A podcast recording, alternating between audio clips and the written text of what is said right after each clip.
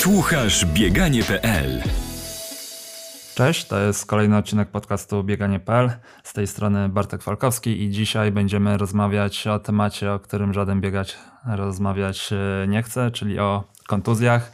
Podobno prędzej czy później każdego spotykają, ale to zaraz wypytam moich e, dzisiejszych gości, specjalistów. Pierwszy z nich to Paweł Szczygieł w branży od 2003 roku. Kurczę, ja nie pamiętam, co robiłem w tym roku, a on już zajmował się e, fizjoterapią. Były koordynator fizjoterapeutów w kadrze paralimpijskiej lekkoatletów i założyciel gabinetu PhysioBox. Na Instagramie widziałem, że macie dużo takich filmików, e, które łatwo łatwo w życie e, wdrożyć i od razu być zdrowym. Cześć.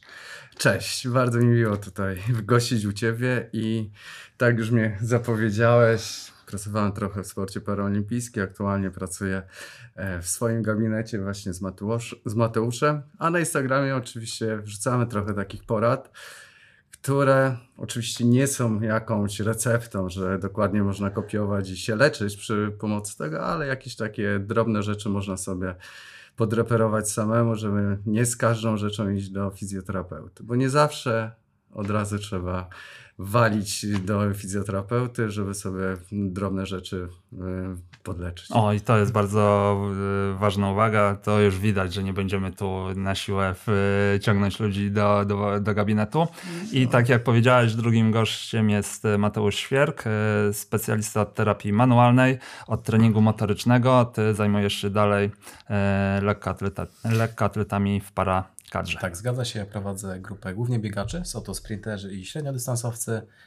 E, no i tak jak Paweł powiedział, razem z nim na, w gabinecie w elektoralnej w Warszawie tak.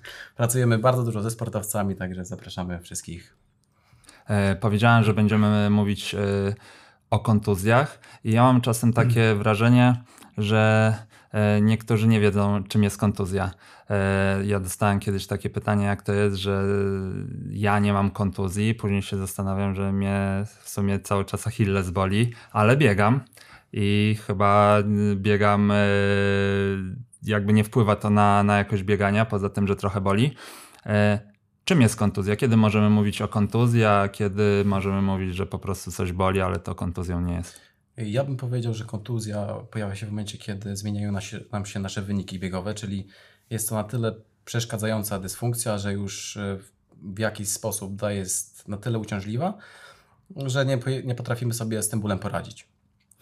Ja trochę inaczej do tego podszedł i jakby kontuzję samą to inaczej, czy mamy się przejmować, jak coś nas boli ciągnie w czasie biegania, to bym nie do końca od razu to wiązał z kontuzją. Pierwszą rzeczą, którą można zmonitorować, czy mamy tą kontuzję, to czy nas boli w czasie chodu. Jak nas boli w czasie chodu, to mamy duży problem już. I wtedy już warto coś y, z tym zrobić, ale w bieganiu to może być różnie.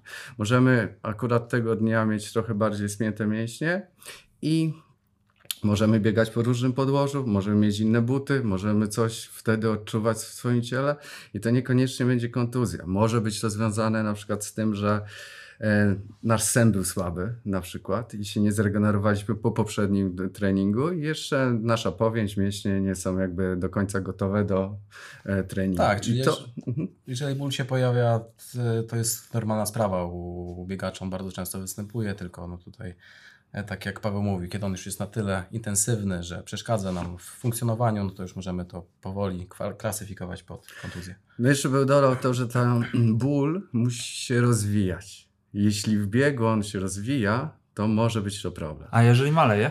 Jeśli maleje, to jest ok. Podobno bo... wszystko można rozbiegać. Ale można tak, rozbiegać. Jak, jak to masz... mówili zawsze. Ale tu masz rację, można rozbiegać, jeśli to jest związane na przykład... Yy jeśli się zastanowimy, jak jest zbudowana powięź. Powięź jest zbudowana z tkanki łącznej, ale ona jest nawilżona kwasem hialuronowym. To jest taki smar, który nam przemywa mięśnie, powięź, żeby to się wszystko ładnie ślizgało. I załóżmy, że będziesz miał jakiś wzrost, sklejenie tej powięzi i bieg, biegniesz, biegniesz i kwas hialuronowy to ładnie obmywa, uwalnia się ten wzrost i masz po problemie. Na przykład i wtedy możesz powiedzieć, że rozbiegałeś. Rozbiegałeś kontuzję. Ale jeśli trener mówi, że biegnij, dasz radę, dasz radę, a ty już się tak utykasz na jedną nogę, i, no to już raczej tutaj nie, nie możemy mówić o rozbieganiu i y, też trenerzy tak nie podchodzą na przykład. Jak ja z doświadczenia pamiętam e, swoją pracę w kadrze, to my zawsze gdzieś tam, trener zawsze mnie się pytał, co on e, może z danym zawodnikiem zrobić, jeśli ktoś miał jakąś e, kontuzję. Coś drobnego, to mówi, dobra, dzisiaj tego nie będziemy robić, zrobisz to. I nigdy nie było przełamywania jakby tego bólu, że Tak. no chyba, że mamy tempówki. to wtedy, to wtedy nawet trudno Nie, ocenić, czy tu mamy, mówimy o kontuzji, czy Tak, to mamy jakieś e, albo jakieś 150, jak dziewczyny biegały na sprinty. To było piękne w marcu. Ale to jeszcze do sportu paraolimpijskiego Tak, dojdziemy. wlaliście także- chyba dużo nadziei w serca biegaczy, którzy, no jak na pewno wiecie, oni, my w sumie, bo ja też jestem biegaczem, e, wszyscy bagatelizujemy, e, że coś boli. Jak powiedzieliście, że jak się rozbiega, to jest luz, to, e, to okej. A czy to prawda, że każdy biegacz prędzej czy później będzie miał kontuzję, że nie ma odpornych, czy Nie. no da się to? Nie, ja znam osobiście biegaczy, którzy albo genetycznie są tak dostosowani, albo po prostu się przygotowali pod to, przygotowali swoje tkanki na tyle dobrze, że mogą biegać długo i nie ma z tym żadnego problemu. No, oczywiście to jest wszystko kwestia tego, jak będziemy dostosowali sobie intensywność treningową, bo jeżeli od razu wjedziemy na wysokie obroty, no to jest mała szansa na to, że, że gdzieś tam się uchronimy. No tutaj na pewno odzywa się regeneracja. Jakby trening jest treningiem, on jest bardzo istotny właśnie w całym tym procesie rozwoju e, zawodnika, ale jeśli on nie zadba o regenerację i jakby nie zbalansuje tych dwóch rzeczy, my w fizjoterapii używamy takiego słowa homeostaza, zawsze w szkole było takie Tak. homeostaza. I zawsze mądrze brzmi, to tak, tak. pięknie i, i właśnie tą homeostazę trzeba zachować i do tego można się odnosić. Jeśli dużo trenujemy, to dużo odpoczywamy. Dokładnie. Jeśli mało trenujemy, to trzeba się ruszyć. I co ciekawe, to jest w każdym sporcie, to jest po prostu sztuka adaptacji, tak? Czyli dajemy bodziec do organizmu, do którego ma się zaadoptować. Ale czy kontuzja u każdego się pojawi? Może się pojawić u każdego. I jakby nie ma też reguły takiej, według badań nie jest to jasno określone, co wpływa na te kontuzje. U jednych będzie to wpływało, u jednych będzie to wpływało. I gdzieś tam naukowcy zawsze się spierają, jeden drugi, przez drugiego palec podnosi, że on ma rację i tak ma być, ale jak poczytamy następne badania, to ktoś inaczej to ujmie. Tak. Ale ogólnie e, na przykład, e, żeby dbać o to, o to, czy będzie się miało kontuzję, to warto zrobić taki przegląd raz w roku na przykład. Każdy sportowiec, obojętnie od dyscypliny, tu powinien iść do fizjoterapeuty, nie jak jest problem, też warto, jak już y, nie może biegać, ale zanim to się, ten problem się pojawi, bo my mamy wtedy idealny materiał do pracy, że oceniamy sportowca pod względem jego motoryki, sprawdzamy jego słabe, mocne strony i szukamy jakby takiego wzorca rozwoju, że na przykład patrzymy na jego miednicę, jego miednica pochyla się na przykład na jedną stronę, to dla nas już jest informacja, że może być coś ze stabilizacją boczną miednicy, a to w konsekwencji może doprowadzić do problemów z kolanem. I jakby my już na tej bazie, że nie mamy problemu z kolanem, a już widzimy wcześniej jakieś pewne e, odstępstwa od e, tej biomechaniki takiej powiedzmy w miarę wzorcowej, to już możemy pewne rzeczy wychwycić, wzmocnić na przykład s- odwodziciele biodra, popracować trochę nad kontrolą taką stabilizacyjną kolana i mamy problem rozwiązany. Tak, tak. U mnie to wygląda przeważnie tak, że ja wyłapuję takie słabe punkty, po czym e, pacjenci po, po prostu ode mnie dostają zestaw ćwiczeń, które mają przerobić. E, I też wychodzę z założenia, że tkanki miękkie najszybciej będą się regenerowały poprzez ruch, kiedy mamy zachowany ten mechanizm dyfuzji krwi, kiedy ta krew przepływa, wzmacnia tą okolicę, więc tutaj terapią manualną możemy bardziej działać przeciwbólowo. No i tak jak Paweł wspomniał, najważniejsza jest ta diagnostyka. A ja bym mocniej wszedł w temat tych testów.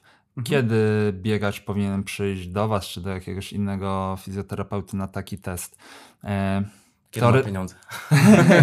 teoretycznie, e, teoretycznie wydaje mi się, że przed początkiem sezonu, ale jak sobie pomyślę o sobie, jak mam tam ostatni start e, jesienią, mam roztrenowanie, no to ja jestem paralitykiem wtedy i jak Mhm. przestaję się ruszać nagle, no to wiem, że ja wyglądam inaczej.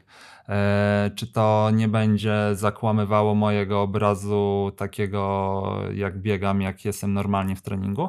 Nie, Nie, niestety. nie, to nie powinno zakłamywać. Ogólnie jest coś takiego jak off-season, czyli jak e, biegacze schodzą z tych swoich, e, mówię o takich zawodowych biegaczach, tak? nie o osobach, które cały rok jeżdżą na, na różne turnieje, tylko osoby, które gdzieś tam we wrześniu już kończą ostatnie zawody, no to mamy te kilka miesięcy powiedzmy na to, żeby się przygotować i to jest super okres, żeby właśnie wpaść, sprawdzić się, dostać zalecenia i te wszystkie słabe ogniwa gdzieś tam wypracować. No ja jeszcze bym dodał od siebie tyle, że jak jesteś po sezonie, to twoje ciało ci pokaże wszystkie twoje słabe punkty. I ty jakby w doświadczeniu swojego sezonu też możesz mi przekazać wiele informacji, gdzie te problemy się pojawiły w trakcie sezonu. I my możemy usiąść i się zastanowić, dlaczego tak się stało. Jak ja jeszcze dodatkowo ciebie zbadam, zobaczę, że biomechanicznie, a no tutaj może być jakiś tam problem, połączę kropki z Twoją rozmową e, z całego sezonu, to ja Ci mogę dać pewne wskazówki, które Ci pozwolą następny sezon już przejść łagodnie i bez bólu. W ogóle powiem wam e, w tajemnicy, nikt tego przecież nie usłyszy, że siedzę przed wami i tak sobie myślę, kurde, jak oni są takimi specami, to to zaraz będzie, że głowę trzymam krzywo, tu coś źle opiera mi, że jestem e, pokrzywiony. A zauważyłem, że e, po roztrenowaniu, gdzie powinienem być po, powiedzmy wypoczęty, to mnie zawsze coś boli. W sensie boli coś, co nigdy nie bolało. Jak Tak. robię 200 km w tygodniu, to jest luz, ale nagle mam dwa tygodnie wolnego, zaczynam spokojne wprowadzenie i boli mnie kolano, biodro, plecy. E, to jest często u biegaczy, że jak, e, że po roztrenowaniu, nie wiem, są, zastoją się. Schodzi, Tak, przebodźcowanie też schodzi z organizmu, ta bramka bólowa gdzieś tam się zaczyna zmniejszać. E, czyli taka bramka bólowa, którą sami sobie zadaptowaliśmy właśnie taką, takim treningiem. E, no i to jest dosyć e, częste i specyficzne u biegaczy. Jeszcze dodam, że zawsze bolą te miejsca, które nadmiernie pracują. Jeśli biegasz i coś nadmiernie odczuwasz, to tam nie jest problem. To jest miejsce, które się nadmiernie u ciebie zużywa. Ale Kompensuje. problem, tak, właśnie, to, y, to jest kompensacja jakiegoś tam problemu w Twoim ciele. I tu są błędy trochę osób, które gdzieś w internecie szukają pomocy, że tu mnie boli, a tu wymasuje. Tak, my dajemy wskazówki. Zaznaczyłem, że to nie jest jakby recepta, ale można pewne rzeczy sobie złagodzić. I jeśli boli cię coś, to nie znaczy, że tam musisz wpychać wałek albo piłkę, albo to rozciągać, bo może być to całkiem przeciwna sprawa. I tu my możemy bardziej pomóc w takiej no, w celowości tego, co my mamy e, w danym miejscu porobić. Bo mięsień na przykład może być przykurczony i może być też rozciągnięty, ale też nieruchomy. I czy my mamy go wzmacniać, czy rozciągać, no to już zależy od odpowiedniej diagnostyki. I no tutaj fizjoterapeuci jednak mają trochę więcej wiedzy niż e, e, no, jakieś poradniki. Tak, no od tego jesteście. A już ostatni temat, y, pytanie do tych testów. Powiedziałeś, że e, wyłapujecie odstępstwa od e, wzorcowej techniki ruchu, e, czyli powiedzmy takiego modelu mistrza. A co jeżeli ktoś wypracował swój taki model, jak e, Paula Radcliffe, która No właśnie, kiwała głową? To. Kurczę, jakby może ona trzymała głowę pr- prosto, to nagle by się posypała, To nie? jest właśnie ta sztuka adaptacji, nie? Bo tak e, jak się spojrzymy, odejdźmy trochę od biegania na przykład na trójboistów i spojrzysz na takich topowych trójboistów, to żaden z nich nie będzie miał idealnej techniki. To są grubi panowie, którzy, żeby wykonać idealną technikę, tam im brzuch przeszkadza, tak? Więc e, uważam, że wszystko jest sztuką adaptacji, czyli to, co Paweł wspomniał na początku, czyli ta regeneracja, która musi zachodzić, no i ten bodziec, do którego ciało się adoptuje. E, Więc e, Dajmy przykład zapalenia na przykład ścięgna Achillesa bądź wszystkie takie tendinopatyczne sprawy. To tak naprawdę jest sytuacja, gdzie mamy problem obciążeniowy, tak? Czyli ma jest, e, ścięgno jest zbyt słabe do obciążenia, które my mu serwujemy. Tak, więc on po prostu się w pewnym momencie podda, kiedy to obciążenie będzie zbyt duże. I to o to chodzi, więc trzeba go wzmocnić, trzeba zbudować wytrzymałość siłową, czyli dużo takiego treningu izometrycznego, który zrobi bardzo fajną robotę wtedy. Wiesz, Polarakwi to jest idealny przykład. Tak, tego, to jak, jest, e, kla- jak można bujać się w czasie biegu, ale na przykład y, to jest y, też przykład właśnie tej adaptacji, ale to nie chodzi o wzorce w biegu, że my, do nas, do gabinetu ktoś wchodzi, my oceniamy technikę biegu. Od techniki biegu są trenerzy i oni się powinni tym zajmować. Fizjoterapeuci się zajmują biomechaniką ruchu. Ja na przykład w ocenie mogę jednym testem sprawdzić, gdzie ty możesz mieć e, problemy. A jednym takim prostym testem jest overhead squat. Robisz przysiad z rękoma uniesionymi do góry, mam mobilność bioder, mam mobilność stawów skokowych, mam stabilizację odcinka lędźwiowego, mam e, mobilność odcinka piersiowego, ramion i to jest globalny wzorzec, który sprawdza, jeszcze mogę sprawdzić asymetrię u Ciebie w ruchu. I od jednego prostego testu już mogę wyciągnąć pewne wnioski, że Ci położę na stole i podsprawdzam na przykład biodro albo inne elementy, żeby dojść do sedna sprawy, gdzie jest ten problem. Tak, tu trzeba jeszcze na pewno sprawdzić siłę mięśniową u biegaczy. Takim kluczowym elementem powiedział, że będzie mięsień pośladkowy średni, który bardzo często jest na przykład z jednej strony wyłączony i ta strona po prostu nie potrafi dobrze stabilizować i mamy wtedy kaskadę problemów. Z tymi włączeniami, wyłączeniami to jest bardzo fajna sprawa. Jak kiedyś się pojawicie u nas y, w gabinecie i testujemy, że raz działa, raz nie działa, to, to trochę wygląda jak magia, ale to nie jest żadna magia, to jest jakby aktywacja układu nerwowego, że sprawdzamy jak reaguje dany mięsień y, na opór i możemy go włączyć i wyłączyć, a o tym decydują takie małe sprężynki, czyli wrzeciona mięśniowe w mięśniach, mm. które my możemy odpowiednimi tak, technikami aktywować. To, to, to test polega po prostu na takiej troszeczkę bodźcowaniu receptorów. Patrzymy, jak receptory się zachowują e, i badamy tak naprawdę układ, e, autonomiczny układ nerwowy w danej części ciała. Czy on dobrze kontroluje nie tylko mięśnie, ale również układ limfatyczny i układ krążeniowy.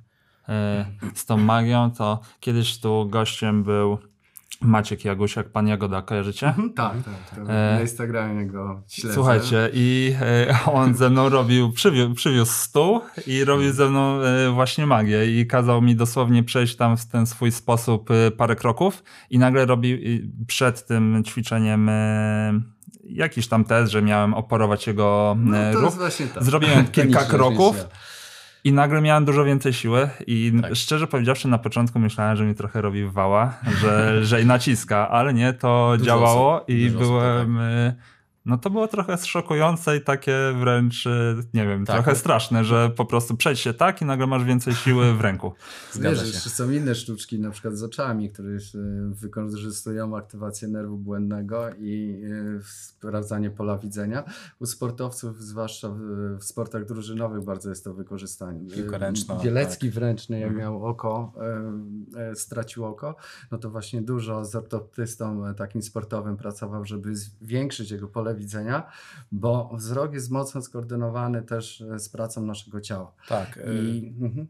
Jest na przykład w kadrze, w kadrze Niemiec był fizjoterapeuta, który bardzo dużo pracował w taki sposób i on pracował również z lekkoatletami w Rio, a później pracował e, z kadrą piłkarzy Niemiec, kiedy wygrywali Mistrzostwo Świata.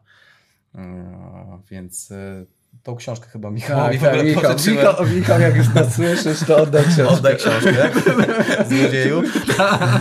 E, ale tak, to fajnie było, jakby ktoś się przetłumaczył na język polski, bo niesamowita baza wiedzy i to są testy, które można robić przed treningiem oraz przed zawodami, czy są ćwiczenia, które mogą podbić nasze możliwości um, koncentracji. Tak, ale ogólnie możliwości naszego układu nerwowego, co się przyłoży na bieg, ale są też takie ruchy, które mogą go pogorszyć i są ruchy, które trzeba rozpracować sobie powiedzmy gdzieś tam już w tych momentach, kiedy nie ma żadnych startów. Z tymi oczami to też miałem kiedyś.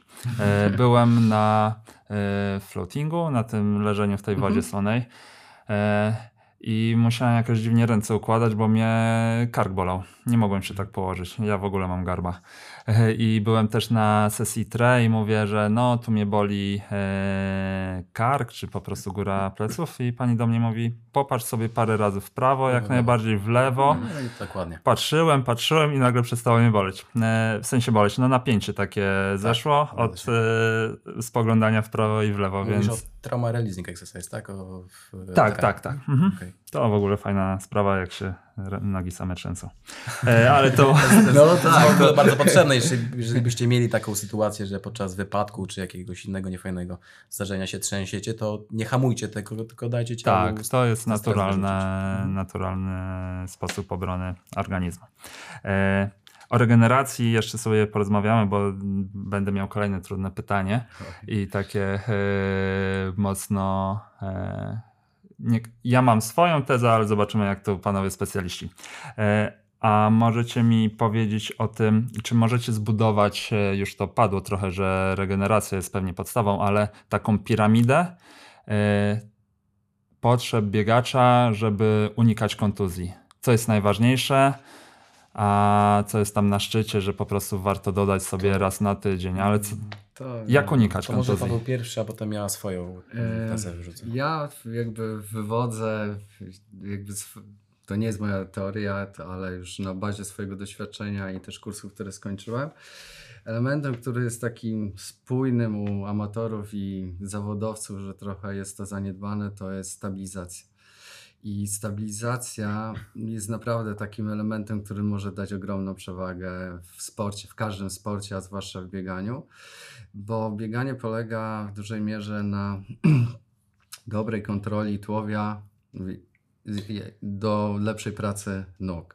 I jeśli mamy powiedzmy zachwianą tą stabilizację, no to powoduje to to, że nie pracujemy na przykład biodrami, tylko korzystamy z odcinka Jest- lędźwiowego. To nie chodzi nawet o kontuzję, ale jakby o samą e, moc tego biegu. Bo Jest ucieczka weźmie- energii, tak? Jak nie mamy stabilizacji, to kończyny nie mogą Chodzi o opadające bioderko w Tak, parzy tak, podporu. tak, tak. Jak na przykład weźmiesz mięsień pośladkowy, który ma chyba 35 kg udźwigu, no to jak masz dwa, to masz 75 kg. Tak, ważysz 70 kg, to na tych dwóch pośladach możesz biegać, no nie? Ale jeśli nie wykorzystujesz tego potencjału wyprostu biodra w czasie biegania, oczywiście w sprincie będzie inaczej, w długich dystansach będzie inaczej, ale to jest bardzo istotne, żeby mieć dobry core. I ten core ćwiczymy nie na zasadzie planka, bo plank jest już jest bardzo rozwiniętym e, ćwiczeniem jakby stabilizacji.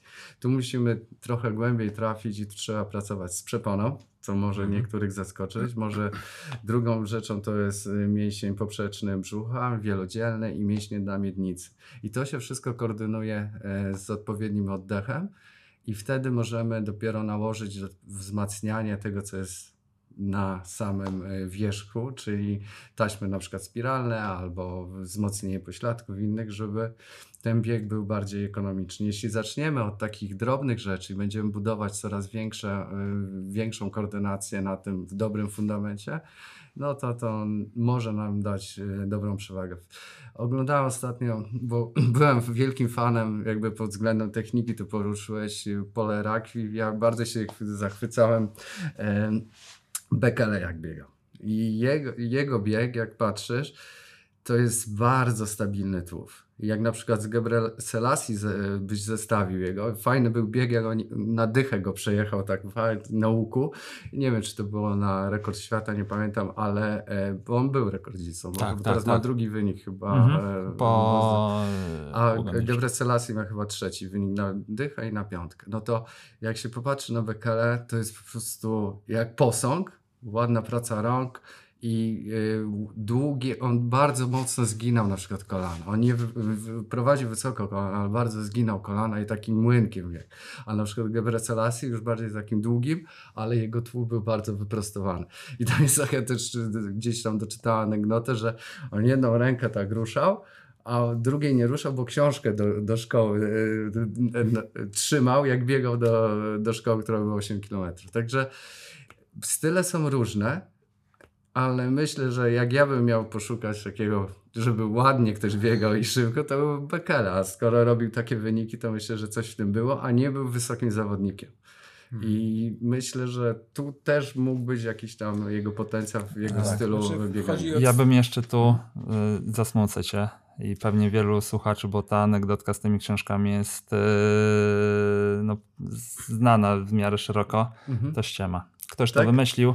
Ja spotkałem się z nim e, przy jakiejś tam Wow. okazji i padło pytanie, znaczy nie tylko ja jeden na jeden, ale padło pytanie od dziennikarzy, co z tym bieganiem do szkoły, to tylko zaśmiał się i głową pokręcił, że to sobie ktoś wymyślił, ale historia jest bardzo ładna i taka, że tak rozumiem. Jest. E, Tak, ale tutaj prawda jest taka, że ta stabilizacja będzie bardzo potrzebna podczas biegaczy i to i strzałkowa, i czołowa, i poprzeczna, czyli wszystkie trzy typy stabilizacji. E, Jest taki bardzo fajny trening, nazywa się Trójka McGilla, który te trzy ćwiczenia bardzo fajnie sobą łączy. E, Polecam sprawdzić. E, Ogólnie przed treningiem najlepiej coś takiego zrobić. Ja też e, swoim podopiecznym nieraz to podrzucam i to faktycznie się super sprawdza na, e, na różne takie dolegliwości biegaczy. Pod tym, posta- pod tym podcastem podlinkujemy na pewno, Mhm. żeby można sobie. Jeszcze jest taki, taki trening, który zapobiega kontuzjom, jakby, mm, który powinien e, każdy biegacz gdzieś u siebie wprowadzić, bez względu czy już ma kontuzję, czy się pojawiła, to jest e, trening ekscentryczny. I jak się zastanowimy nad tym, kiedy te kontuzje się pojawiają, to najczęściej, znaczy kontuzja może się pojawić u biegacza wtedy, kiedy on ma stopę na jedną na podłożu. On w fazie lotu nie zławia kontuzji, no chyba, że jakieś naciągnięcia mięśni, które jest, są związane z taką siłą, ale to jest bardzo rzadkie. Ale w fazie podporu najczęściej są kontuzje i ta pierwsza faza lądowania, oczywiście buty z amortyzacją robią swoje i tu też zmniejsza się ta intensywność nacisku przez odpowiednie obuwie, ale ćwiczenia ekscentryczne, które polegają na powolnym uczeniu mięśni roz, rozluźniania, mogą być bardzo korzystne w zapobieganiu kontuzji.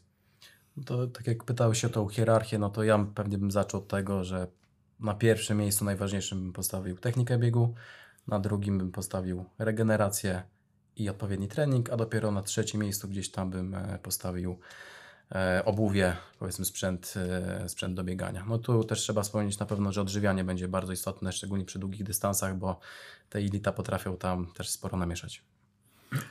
Czy to bardziej chodzi może od czego trzeba zaczynać, ale te wszystkie elementy są ważne. Tak. Nie można któregoś pominąć, jeśli ktoś jest zawodowcem i chce zadbać o wszystkie swoje elementy, to e, jak na przykład zapomni o butach, który, który źle dobierze, to też nie pobiegnie tego maratonu. I jeśli zapomni o dobrej profilaktyce, to też może go kontuzja e, szybciej dopaść. Ale no, tak jak już wspominaliśmy, to nie ma takiej jednej recepty, żeby tej kontuzji nie było. No. A te ćwiczenia, o których e, mówiliście, to można samemu robić? W sensie, no fajnie jakby pewnie ktoś pokazał na początku jak wykonać i zwrócił uwagę, tak. ale to później można po prostu wdrożyć to jako rozgrzewka mhm. przed biegiem? Czy? Tak, ja na przykład uważam, że taka forma aktywacji aktywna, odpalająca mięśni jest bardzo ważna. I tutaj Paweł mówił o ćwiczeniach ekscentrycznych. Ja uważam, że najważniejsze będą ćwiczenia izometryczne, czyli takie, gdzie nie mamy szybkich ruchów, dlatego że szybkie ruchy powodują właśnie tych wyrzut protoglikanów, czyli białek do macierzy, co powoduje takie, tak można powiedzieć, stany zapalne, tak? Więc my takich rzeczy chcielibyśmy uniknąć, chcielibyśmy zwiększyć możliwości obciążania ścięgna, czyli im ten, te ścięgna będą silniejsze, tym na więcej nam pozwolą. Czy to jest ścięgno Achillesa, czy to jest jakiś tenisisty, mm, w całym ciele jest taka sama zasada, a na drugi punkt bym na pewno rzucił tak zwany HSR, czyli High Slow Resistance, gdzie mamy bardzo duże obciążenie, ale wykonujemy to bardzo powolnym tempem, czyli na przykład 5-1-5, gdzie mamy 5 sekund zejścia, sekundę przerwy i 5 sekund wejścia. Tak, czyli unikamy tych szybkich ruchów, żeby, żeby po prostu te tkanki super do tego przygotować. No, to ja też nie zgadzam do końca z tobą, nie podpiszę się pod tym. No ale bo... jesteście panowie specjalistami, więc to wiadomo, że to zależy. No tak, ale jest tak, że, że dodam smaczku, że też są badania teraz y, nad, y, że bardziej wskazane są na przykład mm, ćwiczenia, które e, decyduje szybkość ruchu. Czyli y, zmniejszamy obciążenie, żeby nie dociskać jakby układu, ale zwiększamy szybkość ruchu. Jak na przykład y, sprinterzy mają te 6-sekundówki, to czym wie, z mniejszym obciążeniem, ale szybki. No dobrze, ale to e, ruch. mówisz o fazie, żeby przygotować te mięśnie później. Jeżeli nie, ktoś nie, nie. ma problemy na przykład z zapalenia ścięgna Achillesa, to nie wrócisz do niego takich nie, no tak. szybkich ruchów, bo go po prostu tym dojedziesz. Nie, no tak, A ja mówię tylko... o takiej mhm. bazie, gdzie można zacząć, szczególnie dla amatorów, żeby te struktury przygotować. Oczywiście jest to, no że tak, oczywiście. później trzeba wejść w ten trening e, pilometrię, czyli skoczność dorzucić, żeby te struktury, to tak jak mówiliśmy, sztuka adaptacji. To ciało musi te, jakby te bodźce znać, musi sobie z nimi radzić, tak? Receptory muszą być przygotowane. No sztuką to jest w ogóle, to jest jak trochę gotowanie. To nie można na przykład rzucić soli i mieć piękną potrawę. Trzeba wszystko dobrać i zbalansować i myślę, że warto korzystać z osób, które mają jakieś doświadczenie i ułożą taki trening, że będzie optymalny dla każdego zawodnika. E, tu się super wpisaliście z tą e, małą wymianą zdań. Mhm. E, wiemy już kiedy iść do fizjoterapeuty, najlepiej nie już jak coś boli, tylko raczej wcześniej, chociaż jak boli to też. A jak rozpoznać dobrego fizjoterapeutę? I to od razu ja wiem, że jeden i drugi z Was jesteście dobrzy w swoim fachu, ale wiecie, no idę do kogoś, bo nie wiem, jestem gdzieś na wyjeździe albo po prostu zmieniam gabinet da się rozpoznać? No bo mhm. wiecie, że można trafić różnie, jak, jak ze wszystkim, no z lekarzem, z trenerem, e, tak, tak samo można trafić. Da się rozpoznać. Wydaje mi się, że nie ma fizjoterapeuty, który rozpozna na oko, co ci jest. Jeżeli nie robi testów, to, to już mamy duży problem, tak? Czyli przede wszystkim powinien Cię przetestować, zobaczyć jak wyglądają zakresy ruchów, jak, e, jak się w ogóle pacjent porusza, tak jak wspomniał Paweł, zobaczyć stabilizację, zobaczyć siłę mięśniową, no i wtedy możemy gdzieś tam domniemać, że jesteśmy w dobrych rękach. Jak przyjdziesz do fizjoterapeuty i on weźmie, przyniesiesz jakieś badania z sobą, weźmie te badania i postawi diagnozę, to wyjdź od razu od fizjoterapeuty, bo znaczy, że to nie, nie o to chodzi. Jak chcesz zobaczyć, jak działają dobrzy fizjoterapeuci, to przyjdź do. A, no to, to drogą, ale zaraz wyjaśnię o co mi chodzi. Chodzi o to, że jak przyjdziesz do fizjoterapeuty, to po pierwsze fizjoterapeuta musi ciebie wysłuchać.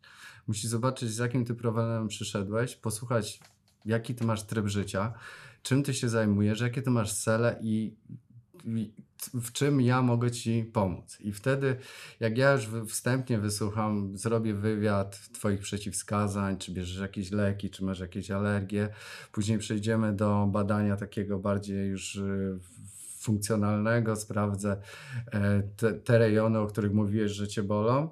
Później wezmę badania, zobaczę, czy te kropki się łączą z tym, co jest na badaniu i wtedy y, dam Ci jakiś przepis na to, jak y, mogę to rozwiązać, to myślę, że możemy wtedy powiedzieć, że ten fizjoterapeuta wie, co robi. Jak ktoś przychodzi i mówi, boli mnie barka, dobra, to Ci pomasuję i tu Ci coś porobię, to nie trać pieniędzy, to nie, nie o to chodzi. Ja nie wiem, jak u Pawła, u mnie na przykład y, zawsze pierwsza wizyta wygląda tak, że mamy 15-20 minut rozmowy. Czyli to jest taki wywiad, taki lej diagnostyczny, gdzie musimy wyłapać, gdzie mogą być jakieś słabe punkty, słabe ogniwa, kiedy to się zaczęło. No i też muszę znać priorytet y, podopiecznej osoby, żeby wiedzieć, na czym mu zależy, bo e, to też jest w sumie najważniejsze, że ta osoba z jakimś konkretnym problemem przychodzi, który musimy rozwiązać. A jak często chodzić do Was, do fizjoterapeutów? Raz w roku na pewno. No na ten test, To tak. już wiem, ustaliliśmy. Ale to mm, też jak wspominałem o tych bólach, jeśli na przykład w chodzie mamy coś zaburzonego, coś boli nas w chodzie, to wiadomo, że to już jest jakiś problem i warto się tym zająć. E, Druga rzecz jest taka, że no, coś nam się stanie, jeśli coś złamiemy, no to też nie ma co czekać. E, No też warto jakby w dobrą stronę też zawsze pożądać, bo czasem nie od razu warto iść do fizjoterapeuty, ale warto iść do ortopedy, bo to nie jest tylko my jesteśmy tu specjalistami od leczenia, ale tu ortopeda też y, no, jest ważnym jakby ogniwem w całym tym procesie leczenia. Tak, oni się znają dużo lepiej na strukturach. My jesteśmy bardziej tymi ziomkami od. y, My jesteśmy funkcjonal- mechanikami bardziej, tak. a oni takimi inżynierami, które gdzieś tam bardziej do tego podchodzą mechanicznie, ale y, ważne jest też zrobienie odpowiednich badań. Na przykład, jeśli mamy uraz jakiegoś kolana, to zamiast pójść od razu do fizjoterapeuty, zróbcie na początku sobie USG. Nie pokazujcie tego USG temu fizjoterapeucie od razu, o, tu mi wyszło i to mam, tylko powiedzcie, że macie zrobić. Yy, yy, mamy z, zrobione USG, ale no chciałbym, żebyś tu cię zbadał i zobaczył, co, co mi jest. I wtedy, y, jeśli to się pogryje badanie z tym USG, no to już mamy jakby dowód na to, że y, to jest ta struktura. I my już wiemy, my też mamy w gabinecie, y, korzystałem czasem z USG, żeby sprawdzić, czy na przykład nasza terapia jest skuteczna. Czy na przykład wczoraj miałem takiego pacjenta, który miał przeciążonego Achillesa. W ogóle u biegaczy to myślę, że jedna z bardziej poważnych y, kontuzji Achilles i bardzo ciężko się to leczy. No i sprawdzałem pod USG, no to bardzo dużo płynu było, struktury już były pouszkadzane. No i ja już wiem, że za, zajmujemy się na początek leczeniem, żeby zmniejszyć ten obrzęk, a dopiero później będę mógł myśleć o tym, jak ten obrzęk się wchłonie do wzmacniania tego Achillesa. A nie wchodzę od razu, o tu mnie boli, będę to e, jeszcze bardziej masowo, jeszcze większy problem z tym robił. Także no, Okej, y, a e, ch- chcesz jeszcze coś dodać do tego? Nie, nie, no tak. E, Okej, a jak mnie nie boli i na przykład chcę przychodzić w ramach e, regeneracji, robię dużo kilometrów, dużo biegam, e, to jest sens w ogóle do Was Jak przychodzić? najbardziej. Też można, można po tym, po tym pracować. Ja w ogóle uważam, że osoby, które biegają dużo, no to fajnie jakby przychodzili regularnie, żeby na pewno nie raz w roku, tylko częściej, żeby patrzeć, czy oni w dobrym To ile to jest regularnie? To jest raz w regularnie tygodniu? To jest czy... raz na dwa miesiące, tak żebyśmy mogli zobaczyć, czy na przykład nie tworzą się jakieś kompensacje, tak, że coś się wyłączyło, coś musi kompensować jego pracę. E, Taki przykład, e, nie wiem, mamy problem e, z łydkami, które na przykład kompensują mm, pracę mięśni kuszowo-goleniowych. To takie sytuacje się zdarzają. Więc e, musimy takie rzeczy wyłapać. Raz na dwa miesiące fajnie było, jakby ktoś często biegający się zjawił i wtedy możemy obrać dobry kurs, żeby on też bezpiecznie mógł e, dalej pracować. A takie wizyty raz w tygodniu po prostu, no, żeby pougniatać, pomasować i żeby noga była lżejsza. Wiesz co, no to chodzi o to, żeby e, dobrać to też do Twojego okresu przygotowania. E, Jeśli masz start e, w maratonie i już jesteś przygotowany do tego maratonu, to lepiej się nie pojawiaj u fizjoterapeuty, bo może coś tam się zadziać przed samym Mhm. startem, bo już Twoje ciało jest no, gotowe na ten start. I coś się rozluźni, coś nie tak i mogą być Kurde, ja się e, zapisałem przed startem teraz. Jest w ogóle taka teoria na przykład, że u biegaczy nie powinno się rozluźniać e, ścięgien achillesów i, i pasma biodrowo-piszczelowego, bo to są struktury, które mają być napięte, które Mm. cię mają trzymać w biegu, tak? Więc e, coś w tym może być. Eee, Wanders, rekordzista Europy w Mhm. połówce, dalej, albo do niedawna, no nieważne, szybki biegacz, mówił, że jak strzela w Achillesie, to jest dobrze, bo jest forma wtedy. Jest świetnie, no nie traci energii. Nitro no. się odpala wtedy, nie? Tak, jest sztywna sprężyna, to lepiej, e, lepiej oddaje. To mnie trochę zaskoczyliście, bo ja mam taki rytuał, że zawsze chodzę oczywiście do, do, do tego samego fizjo e, na 5 dni przed startem. Mhm. No, wie, że mam start, żeby tam nie przesadzać i żebym nie, nie chodził połamany. E, kurczę, teraz mam start i jestem zapisany, ale nie będę już na ostatni gwizdek e, zmieniał, e, ale to jest, to jest ciekawe. To kwestia tego, co fizjoterapeuta Tak, zrobi, wiadomo. Nie? Bo on może do, dobiera się takie środki, żeby na pewno nie popsuć tego, co, co już wytrenowałeś. A to wszystko. Trzymamy kciuki za twój start. A, dziękuję. I żeby fizjo nic nie A to w. Berlinie startujesz? Tak, tak. O, bo- to mój pacjent też, którego pozdrawiam, Grek. O, pościgamy się. To jeszcze E. Kuba też wczoraj był u mnie, Tak? to też startuje. Nie no, w Berlinie to pół Polski startuje. także, także luz.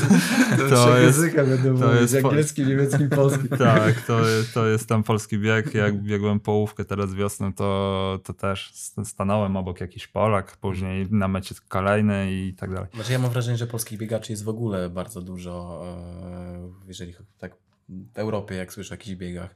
Teraz był bieg, gdzie mojej siostry e, mąż biegł i dwa pierwsze miejsca mieli Polacy. A to było gdzieś w ogóle w Niemczech, jakiejś takiej nieznanej miejscowości. E, jak to mówi Podzian, Polska górą. E, To forma jest na rekord?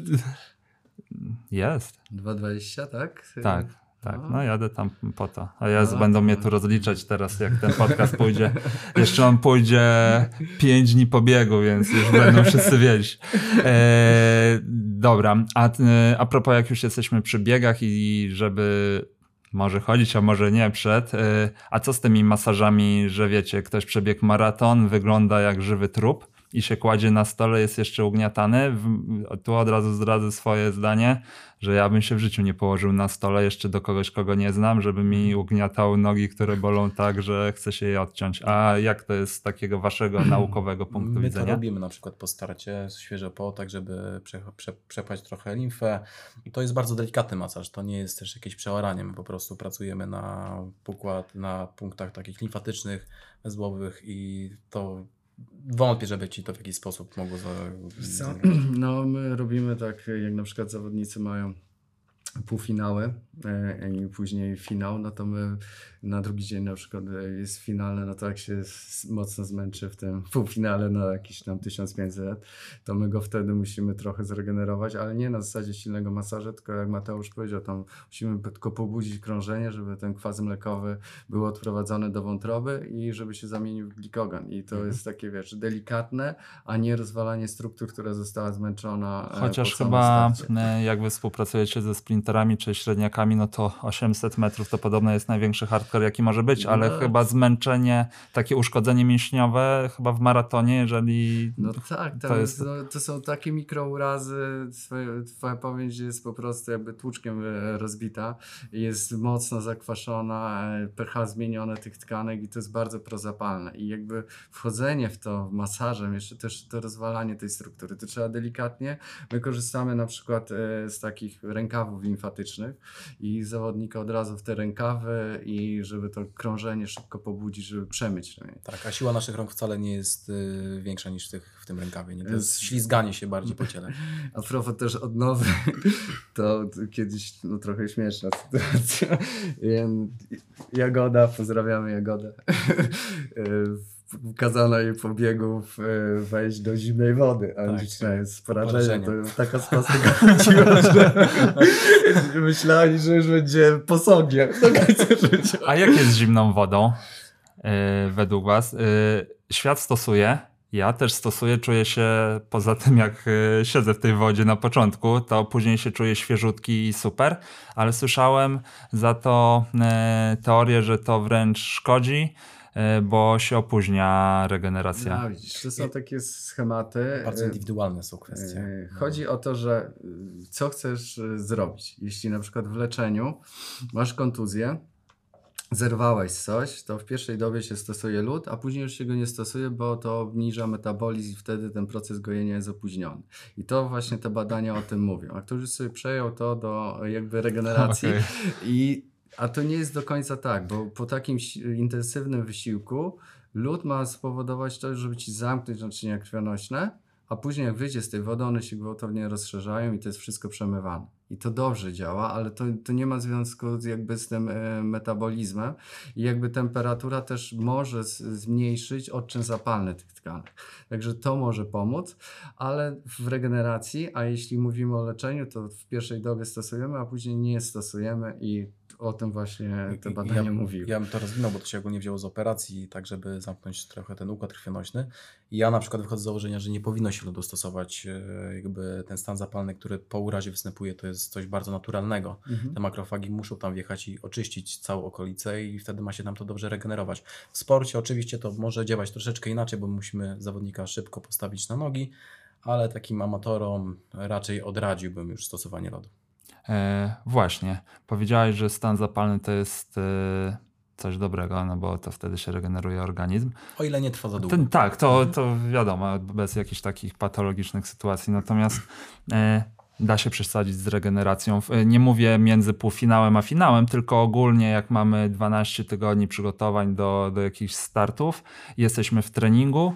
E, Da się robić za dużo, typu ktoś siedzi codziennie w rękawach, codziennie wchodzi do zimnej wody, codziennie się roluje, strzela tym e, pistoletem do masażu, jeszcze do fizjoterapeuty chodzi e, co parę ja dni. uważam, że się da, dlatego że wszystko, co robimy, jest dla nas jakiegoś typu stresorem. Nawet regeneracja, nawet masaż to jest e, stresor, więc tak, uważam, że da się przegiąć. Może nie ze snem, ale No tak. No a propos snu, to jeśli chcesz monitorować swoje jakby zmęczenie, poziom zmęczenia, no to trzeba monitorować HRV, tak jest. czyli zmienność... e, Lep zatkowy serca. Mhm. I to jest tak, no na zegarku ja akurat to sobie monitoruję i to jest super. E, Ja wstaję, patrzę, czy mam zrównoważone, czy niezrównoważone i wiem, co ja mogę danego dnia zrobić. Jeśli się nie wyspałem, nie miałem złą regenerację, mam obniżone, niezrównoważone HRV, bo ono tak szybko się nie zmienia. Jak wchodzisz na przykład w proces przetrenowania, to ono ci się obniży i nie będziesz się odpowiednio regenerował. Tak, Także- żeby ten HRV nam bardzo fajnie, czyli rytm sklekowy serca bardzo fajnie pokazuje, czy my mamy ten trening zwiększyć, czy mamy go w tej chwili zmniejszyć. On ma bardzo duże e, połączenie. Jakby pokazuje nam, czy bardziej jesteśmy pobudzeni współczulnie, czy przyspółczulnie, czyli czy jesteśmy już w tym mechanizmie walki lub ucieczki, czy jeszcze spokojnie sobie dajemy radę. Nie? Czyli jeżeli ten HRV jest zbyt niskie, to tak jakby nasz układ nerwowy w takim ciągłym napięciu, takim skupieniu. Czyli to można fajnie mm, zrozumieć. Tętno ma być różne. Ma być powiedzmy, nie wiem, tam 34 Różnica uderzeń, duża. 40, 31, 39, a nie powiedzmy cały czas 60, 60, 61, 60. Wtedy właśnie jest taki stan skupienia. No dobra, jak cały czas jest niziutkie i niektórzy się cieszą, że o, ale mam niskie tętno. Chciałbym ciągle spać i w ogóle jest słabo, ale mam niziutkie.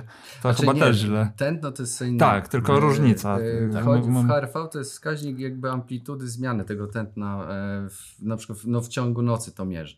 I jeśli nie masz tej zmiany, to jest problem. A jeśli masz zmianę, to twoje ciało się ładnie regeneruje. I to jest taki naukowy dowód, czy ty przesadziłeś z jakąkolwiek, czy z treningiem, czy z regeneracją, czy i czego potrzebujesz. I jakby można to bardzo fajnie wykorzystać i sen, i właśnie tą e, wskaźnik HRV do tego, żeby wiedzieć, czy mogę jeszcze sobie na cokolwiek pozwolić na przykład. Zegarki Apple'a mają na pewno tą funkcję. Nie wiem na ile one są dokładne. jakby ktoś chciał mieć.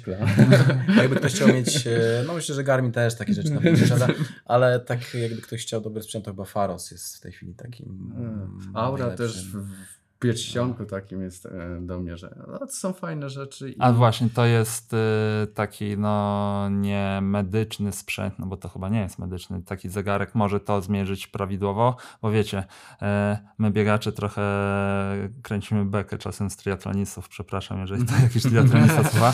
I niedawno, e, znaczy niedawno, no e, całkiem niedawno wyszły opaski e, które też podobno wszystko mierzą, już nie pamiętam.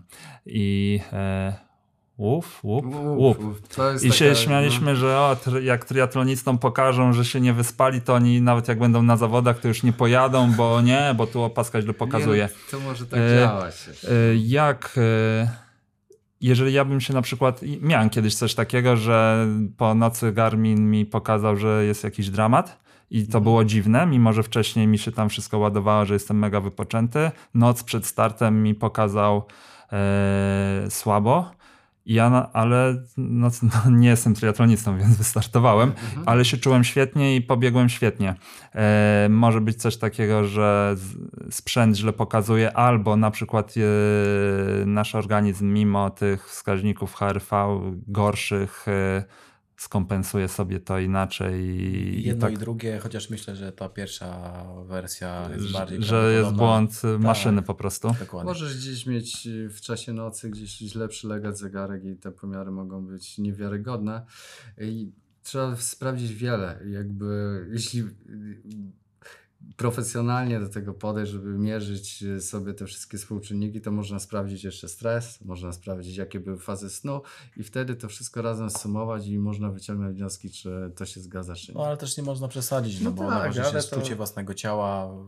Trzeba wiedzieć, na ile można sobie pozwolić i... Jest takich dwóch e, dosyć znanych w internecie biegaczy, ale amatorów, Szwed i chyba Brytyjczyk. I oni wrzucili dosłownie jednego dnia wiosną. Jeden Wiktor Szwed, on wszystko mierzy, ale to wszyściutko. E, I zmierzyło mu, e, że się nie wyspał, że jest niezregenerowany i on był, akurat go widziałem nawet, e, w Paryżu e, i on pojechał do Paryża na start, ale pokazało mu, że się nie wyspał i nie wystartował. I tego, Nie, no to Serio. tak nie, to... i tego samego dnia drugi Mat wrzucił, że jest w Kenii, trenuje i że w Kenii, to co, Keniczyk wstaje, on nie wie jakie ma HRV, nie wie co to jest HRV, e, wstaje, robi i Brzmi jak odcinek do Czarnego Lustra.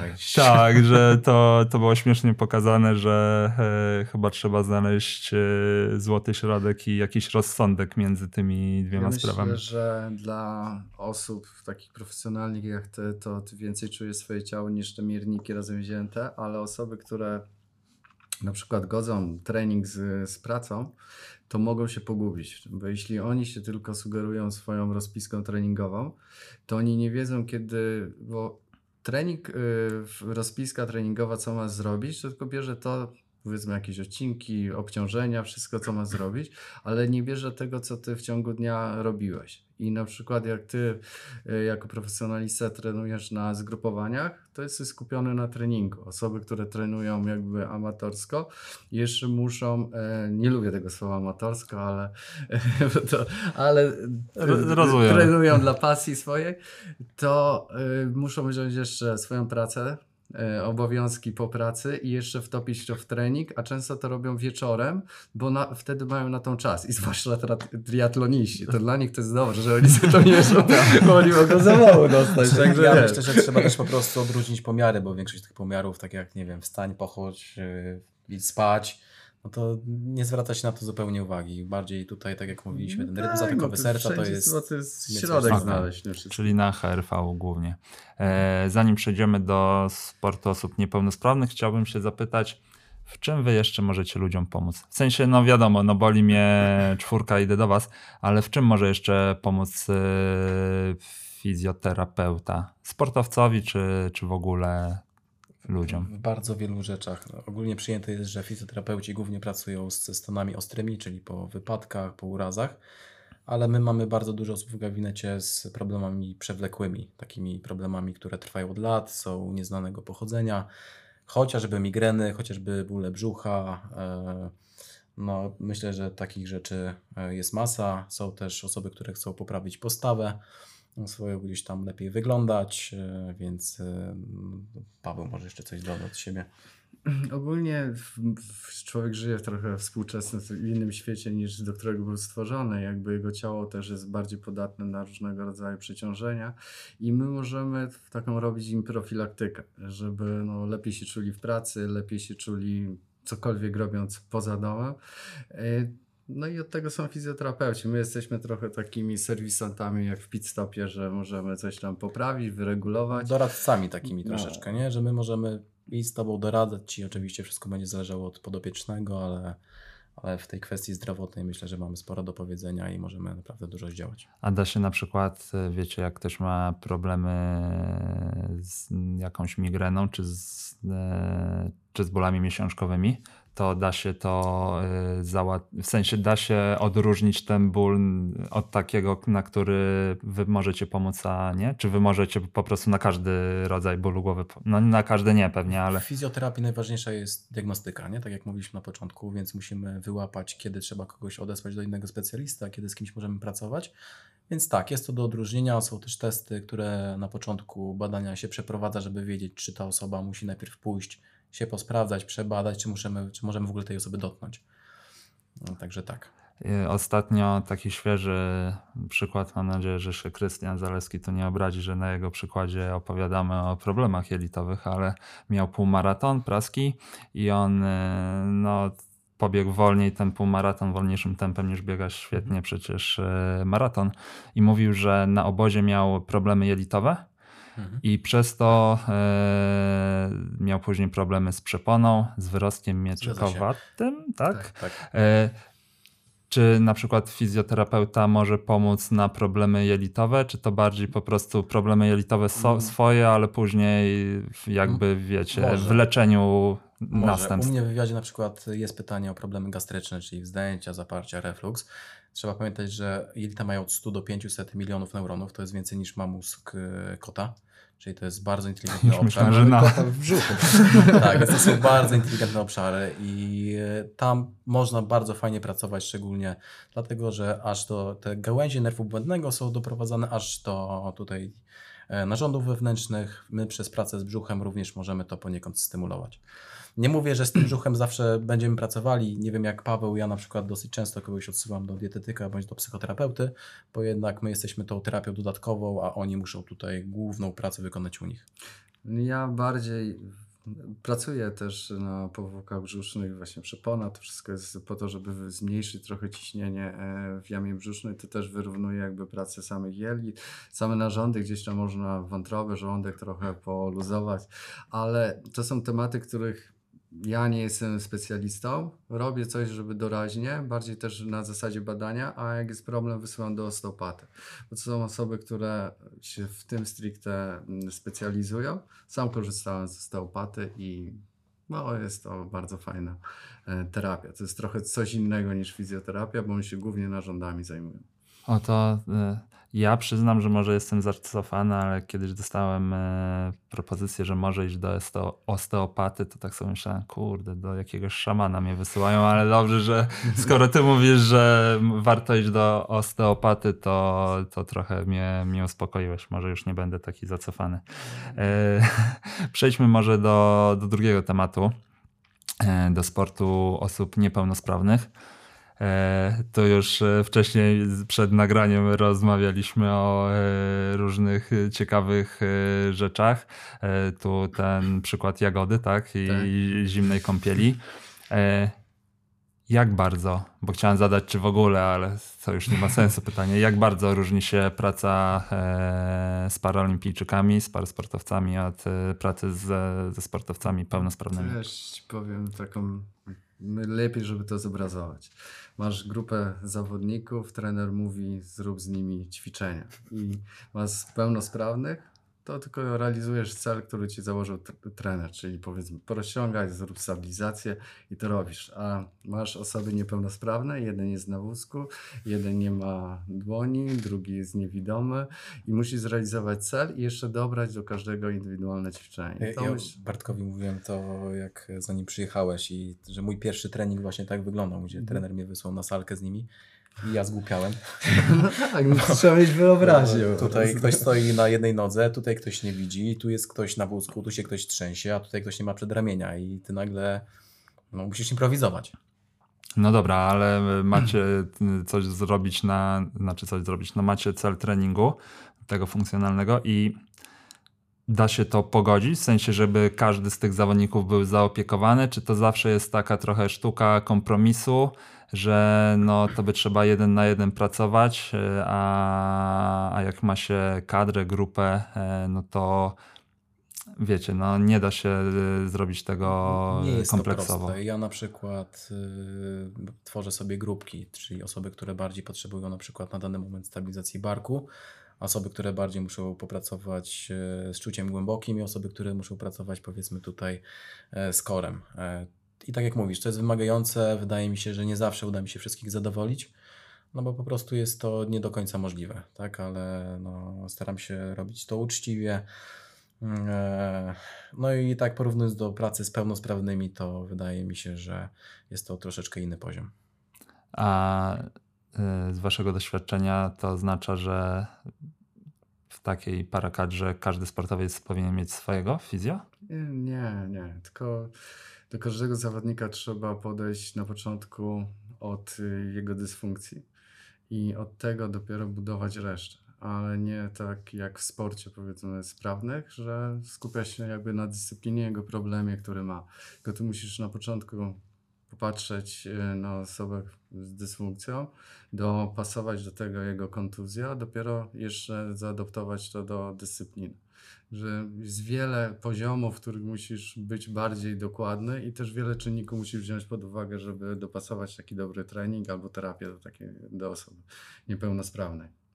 E, I tu rozumiem, że te 20 minut wywiadu, które są u przeciętnego biegacza pełnosprawnego, e, chociaż to jest zawsze jak patrzę na sport, to sobie nie wiem, kto jest pełnosprawny, a kto niepełnosprawny, e, to 20 minut nie wystarczy, co?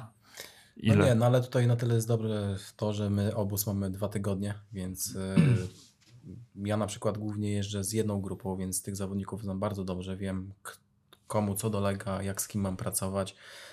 E, Znam ich, można powiedzieć, na wylot, więc e, to akurat z tym, z tym nie ma problemu. Gdzieś tam potrafimy sobie to czasowo dobrać i dostosować. A jak, Tam więcej czasu, jakby to też jest. Też wiele rzeczy ja osobiście jak pracowałem, to konsultowałem to y, z lekarzem, jakby jakieś wątpliwości. Y, Taki przypadek też kiedyś był, że mieliśmy bardzo dobrego lekarza w tej kadry i y, jeden zawodnik leczył stan zapalny.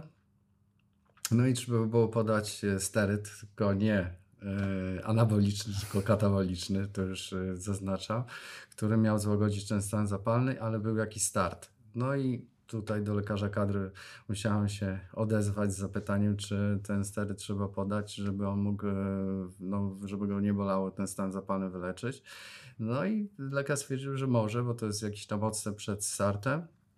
I osoba z Polady, która konsultowała e, z, z naszym e, lekarzem, no nie miała racji. On, lekarz miał rację i bo osoba z Polady stwierdziła, że nie, a on podał, który przepis e, o tym decyduje i ten lek mógł być podany.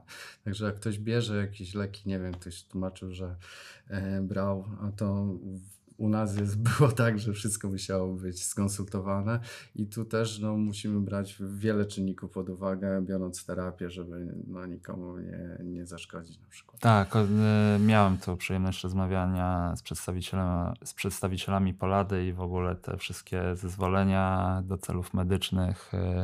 Głupi lek przeciwbólowy może się okazać, Tak, że, tak. że będziemy na koksie. Każdy lek musieliśmy e, zgłosić i skonsultować, e, czy możemy to wziąć.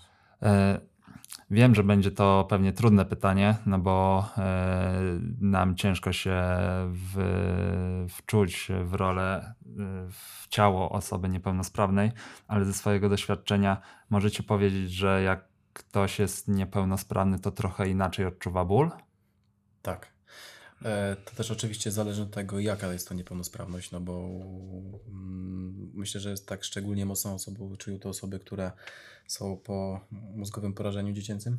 Tak. One reagują No. też bardzo mocno na terapię. Bywa tak, że łapie ich tak zwana spastyka, czyli robiąc komuś masaż, nagle mu się noga odwinie i można dostać. Więc tak, oni Ale zupełnie... to się dzieje jakby Odruchowo. poza nim, ale Tak. to boli ich, czy po prostu... Nie, to jest e, za, inaczej, zależy, bo to też jest kwestia indywidualna, te porażenia są różnego stopnia, ale no to jest taki niekontrolowany ruch, no trzeba chwilę poczekać, aż się ciało uspokoi i można dalej pracować wtedy. A niewidomi? Bo mówi się, że jak się jeden zmysł straci, to reszta jest wyczulona, a jest tak, że na przykład jest wyczulony bardziej na dotyk? No, ból O- może nie, o, ale tak. zmysły ma wyostrzone. I chyba to chodzi po prostu o to, że to ciało się bardziej na tych zmysłach skupia, przez to sobie je lepiej kształci. Nie, że to się dzieje automatycznie, tylko że oni sobie to wypracowywują. Chociaż jeden taki zawodnik niewidomy właśnie wspomniał że mi, że to jest bullshit, że to jest nieprawda. W ogóle. E, Więc to jest pytanie dla jakiegoś niewidomego biegacza. tak, no ale to mówię, ciężko się wczuć. W ogóle kiedyś byłem na wysta- niewidzialna wystawa jest w Warszawie, nie wiem czy byliście. Nie? To jest genialne przeżycie. Tam jest ciemno. Ale restauracja jest chyba jakaś... Restauracja też, ale jest wystawa, nie? I tam są różne pomieszczenia. e, Typu jedno pomieszczenie udaje las, inne mieszkanie, ale jest ciemno, wiecie jak gdzie, ale nie powiem na, na antenie. I wszedłem tam i na moment się zgubiłem, ale nie, że o Jezu, nie wiem gdzie jestem albo coś takiego, tylko po prostu na chwilkę się zatrzymałem i nie wiedziałem gdzie iść za głosem i poczułem rękę, bo tam oprowadzają osoby niewidome poczułem, że ktoś mnie łapie za rękę i ciągnie mnie. I sobie myślę, to jakaś ściema jest. Ktoś z noktowizorem albo ten na słuchawce. Nie mam pojęcia, jak to działało. Ja się pytałem później tej pani, która nas oprowadzała, jak to się stało. No ja wiedziałem, że ty się zgubiłeś, że nie wiesz, gdzie iść. A Ale ja... ty nie widziałeś kompletnie nic, tak? Nie, no nic. No No, jakbym miał zamknięte oczy i na chwilę się zawahałem i nagle zacząłem... pomógł. Tak. Tak. Ogólnie też jest tak, że te stopnie osób niewidomych one są różne. To nie jest tak, że oni kompletnie nic nie widzą. To Nie, no tam nikt nic w- nie widział, no bo... Okej, w, tym, w tym pomieszczeniu, tak, ale ogólnie to jest tak, że to zależy jaka to jest dysfunkcja, czy niektórzy widzą powiedzmy w jakimś małym procencie, niektórzy są osobami niedowidzącymi, więc Też chodzi o spektrum widzenia. To nie jest tylko tak, że widzisz albo nie widzisz, tylko jakby jakie masz pole widzenia. I niektórzy widzą tylko pod pewnym kątem na przykład. Także to jest, e, też są podgrupy właśnie do oceny tego wzroku. A czy e, to może powodować, że wysiłek jest odczuwalny jako mocniejszy? Bo mm, no, widzicie, no ja mam okulary, mam dosyć sporą wadę wzroku, no ale jak biegnę, to nie wpadam na nic. E, ale słyszałem od e, znajomej optometrystki, że słuchaj, e, dobierz sobie szkła albo okulary, bo e, będzie ci się lżej biegało. Jak to z waszej perspektywy wygląda? Może to moim wpływać... zdaniem to ma sens, dlatego że jednak układ y, wzrokowy jest tym najważniejszym układem motorycznym w ciele człowieka, który ma wpływ na wiele funkcji, więc y, jak najbardziej. E, No tutaj też trzeba wspomnieć, że ci biegacze e, niewidomi, no to oni na zawodach startują z całkowicie zasłonięci, tak. zasłoniętymi oczami, nie? To jest tak, że oni tak jak Tak, to takie trochę pokoju. pytanie do mnie i do innych osób z, z okularami, nie? Czy, czy Okej. poprawa... To ja jeszcze e, do wzroku tu dodam, że mamy trzy takie systemy w ogóle stabilizacji naszego ciała. Jednym to jest wzrok i najczęściej, jak tu Mateusz wspomniał, korzystamy z tego wzroku. Drugim to jest błędnik. Czyli ruchy głową powodują przepływ płynów i też stabilizujemy ciało. A trzecim to jest powięź. I jakby całe czucie z, z receptorów naszej po- e. Jest taki test Romberga, który zamykasz oczy i stoisz na jednej nodze albo e, ze stopami równoległymi i sprawdzasz, jak zachowuje się twoje ciało. Jeśli są duże rozchwiania, no to masz dowód na to, że możesz mieć problemy na przykład z propriocepcją. No osoby niewidome na pewno mogą mieć bardziej tą powięź wyćwiczoną, no bo korzystają tylko z dwóch y, zmysłów, czyli z błędnika i z, z powięzi. Także tutaj można by było się spytać i porozmawiać na ten Czy temat. ja jak uważam, że wracając do Twojego pytania dla osób z okularami, uważam, że tak, że ma to wpływ i na pewno wydaje mi się, że przełoży się to na lepsze bieganie. Jak chcesz, to mogę Ci później pokazać taki fajny test na układ wzrokowy, yy, który... Ja sobie kiedyś zrobiłem test, bo z, z Michałem Rogowskim miałem kiedyś przyjemność robić wywiad i z Marcinem Kęsem, jego przewodnikiem. Przebiegłem się, znaczy chciałem się przebiec 100 metrów z zamkniętymi oczami, ale e, spękałem po 200. e, Po 20, przepraszam, bo e, no byłem przerażony, gdzie ja biegnę i się okazało, że dosłownie na 20 metrów i nie biegłem jakoś szybko i ten e, o trzy tory w bok. tak. A jeżeli osoby niewidome mogą mieć, ty powiedziałeś, że bardziej wyćwiczoną powięź, a to może się na przykład wiązać z tym, że są podatne na jakieś kontuzje przez to? Może być. I to też trochę widać w, no, w stylu biegania, że bardziej szukają gruntu, jak biegną. Że to nie jest taki, powiedzmy, rytmiczny, tylko te stopy gdzieś tam e, chcą łapać tą ziemię, żeby ją bardziej poczuć. I to jest mniej pewny taki e, bieg. No i z To drugiej też- strony, im dłużej masz e, czas z podłożem, tym większa szansa na kontuzję. Tak? Mhm. E, No, tu ogólnie też bieganie jakby z przewodnikiem całą biomechanikę e, biegu zmienia. Tu biegniesz jakby nie do końca korzystając e, z rąk symetrycznie, bo jedna ręka jest cały czas e, związana, przewodnik musi nadrzucać jakby też ten twój ruch, nadawać ci rytm i to jest bardzo ważna no, taka współpraca, jakby dopasowanie się pod względem i techniki biegu, wzrostu i też no, przewidywania rzeczy, które są na bieżni. E, Tu może się świat ultra trochę obrazić, ale z Mateuszem przed nagraniem sobie śmieszkowaliśmy, że e, biegi ultra to takie trochę kompensowanie sobie różnych rzeczy i udowadnianie, e, ale już tak na serio, e, patrząc z boku na zawodników, e, Możę ci powiedzieć, że dla osób niepełnosprawnych udział w sporcie to jest taka trochę terapia i udowadnianie może sobie, że są, nie wiem, to źle zabrzmi, ale nie wiem, pełnowartościowi, żeby sobie. Absolutnie nie. Tu się nie zgodzę i jakby to, to nie jest tak. To jest, to jest sportowiec, to jest sportowiec. Oni po prostu korzystają maksymalnie z tego, na co im ciało pozwala. I y, sam doświadczyłeś, że wzroku nie masz i nagle twoja cała biomechanika się zmieniła. I oni, mimo takich trudności, oni dalej trenują i myślę, że każdy z zawodników, który by był sprawny, zestawiony z niepełnosprawnym, na przykład weźmiemy kogoś z pchnięcia kulą, byśmy Bukowieckiego posadzili na takiej kozie, dali mu kulę do pchnięcia i Rokickiego, który już zakończył karierę. To Bukowiecki byłby niepełnosprawny. E, No i myślę, że e, te parametry już by tak nie e, odbiegały. To może inaczej, można dać dowód, bo to chyba było rok temu, gdzie Decathlon e, szukał e, przewodników dla niewidomych biegaczy i zgłosiło się dosyć sporo osób, tam chyba ponad tysiąc i nikt się nie nadawał czasowo. Także to muszą być przeważnie już byli zawodnicy. Ja na przykład osobiście uważam, że jakbym miał oglądać bieg na półtora pełnosprawnych i niepełnosprawnych, to bym wybrał ten bieg niepełnosprawnych, bo jest on dużo ciekawszy. Tak, tutaj e, jest to- to- e, to. dużo zmiennych. Przewodnik musi widzieć, co się dzieje dookoła. Tam naprawdę trzeba No Tak. Fajny bieg jest, y, jakbyś chciał sobie zajrzeć, weź Olka z, w Dubaju w półfinale.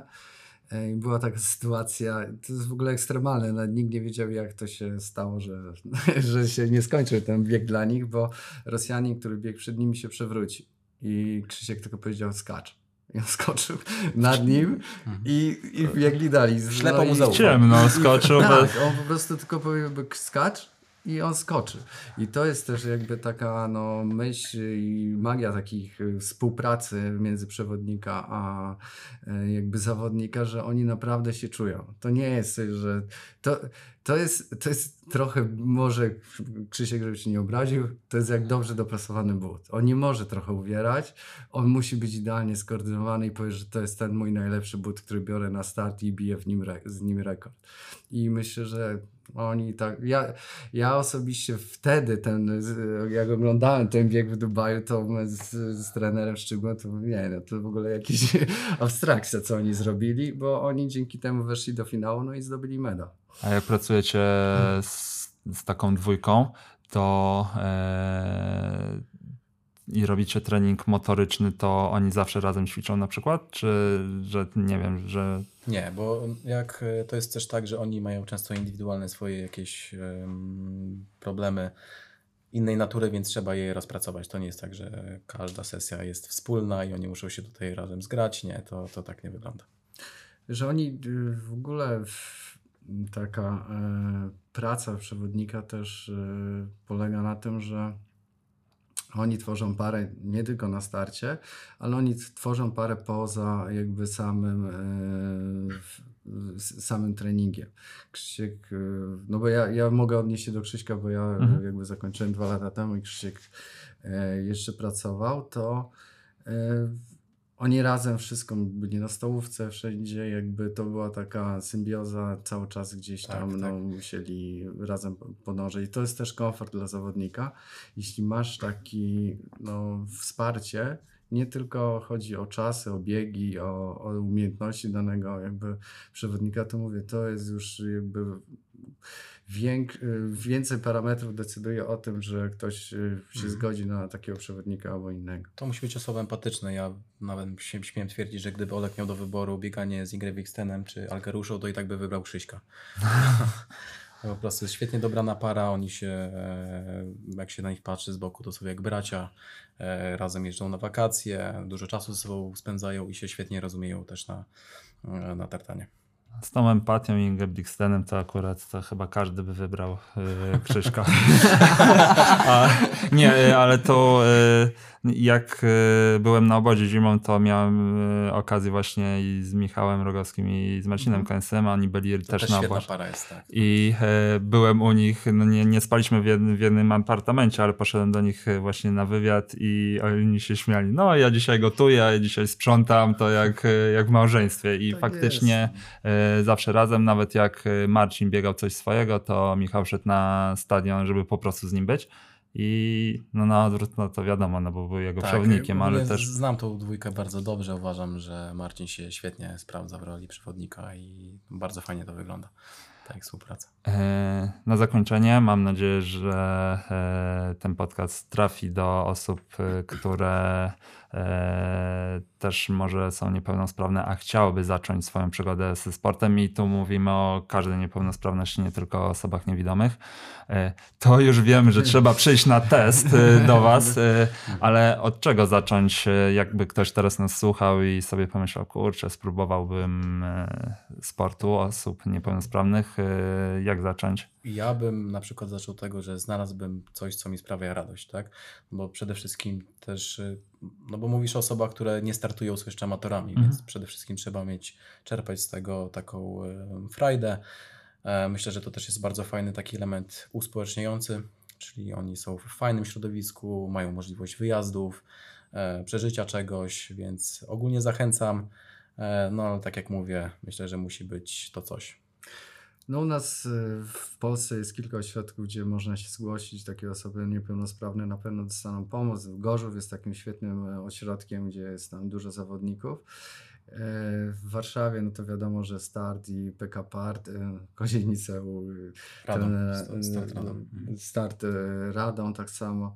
Także to są miejsca, gdzie można na pewno się zgłosić i każdy dostanie jakąś pomoc i jakby też rady, co, co, co może robić. No bo nie każdy, każda osoba niepełnosprawna może uprawiać y, powiedzmy sport. To nie jest tak, że wystarczy być niepełnosprawny i będziemy uprawiać sport. Nie, to muszą być tak samo jak w sporcie wyczynowym jest ta selekcja. No to jak zabrzmi dobrze czy źle, ale no musi być y, jakby tutaj predyspozycja do danej dyscypliny i wtedy możemy to rozwinąć. No bo to w sumie jest sport wyczynowy. Tak, tylko- tak, to jest sport wyczynowy i no wystarczy, y, no, Myślę, że Ja- trzeba zobaczyć, co jest w okolicy w ogóle dostępne, no bo jakby nie w każdym mieście są kluby.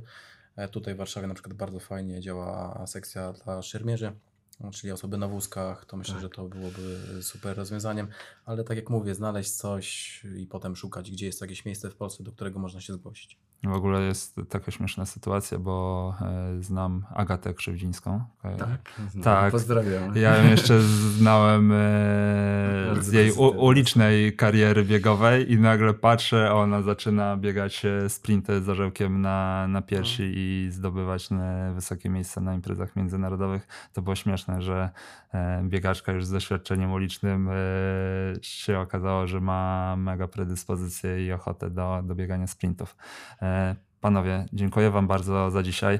Liczę na to, że wszyscy biegacze będą wiedzieli teraz, że trzeba przyjść do fizjoterapeuty na test na początku i się sprawdzić, e, że będą wiedzieli, jak poznać, że fizjoterapeuta im pomoże. Nie wiem, życzyć Wam jak najwięcej, czy jak najmniej klientów. Najwięcej, no nie, no przyjmiemy wszystkich. Robimy swoją pracę, więc To życzę Wam, żeby było Wszystkich, co potrzebują pomocy. jak najwięcej klientów, ale przychodzących e, zapobiegliwie, a nie tak, a nie z bólem. Dziękuję bardzo za dzisiaj. dziękujemy My bardzo. też serdecznie dziękujemy.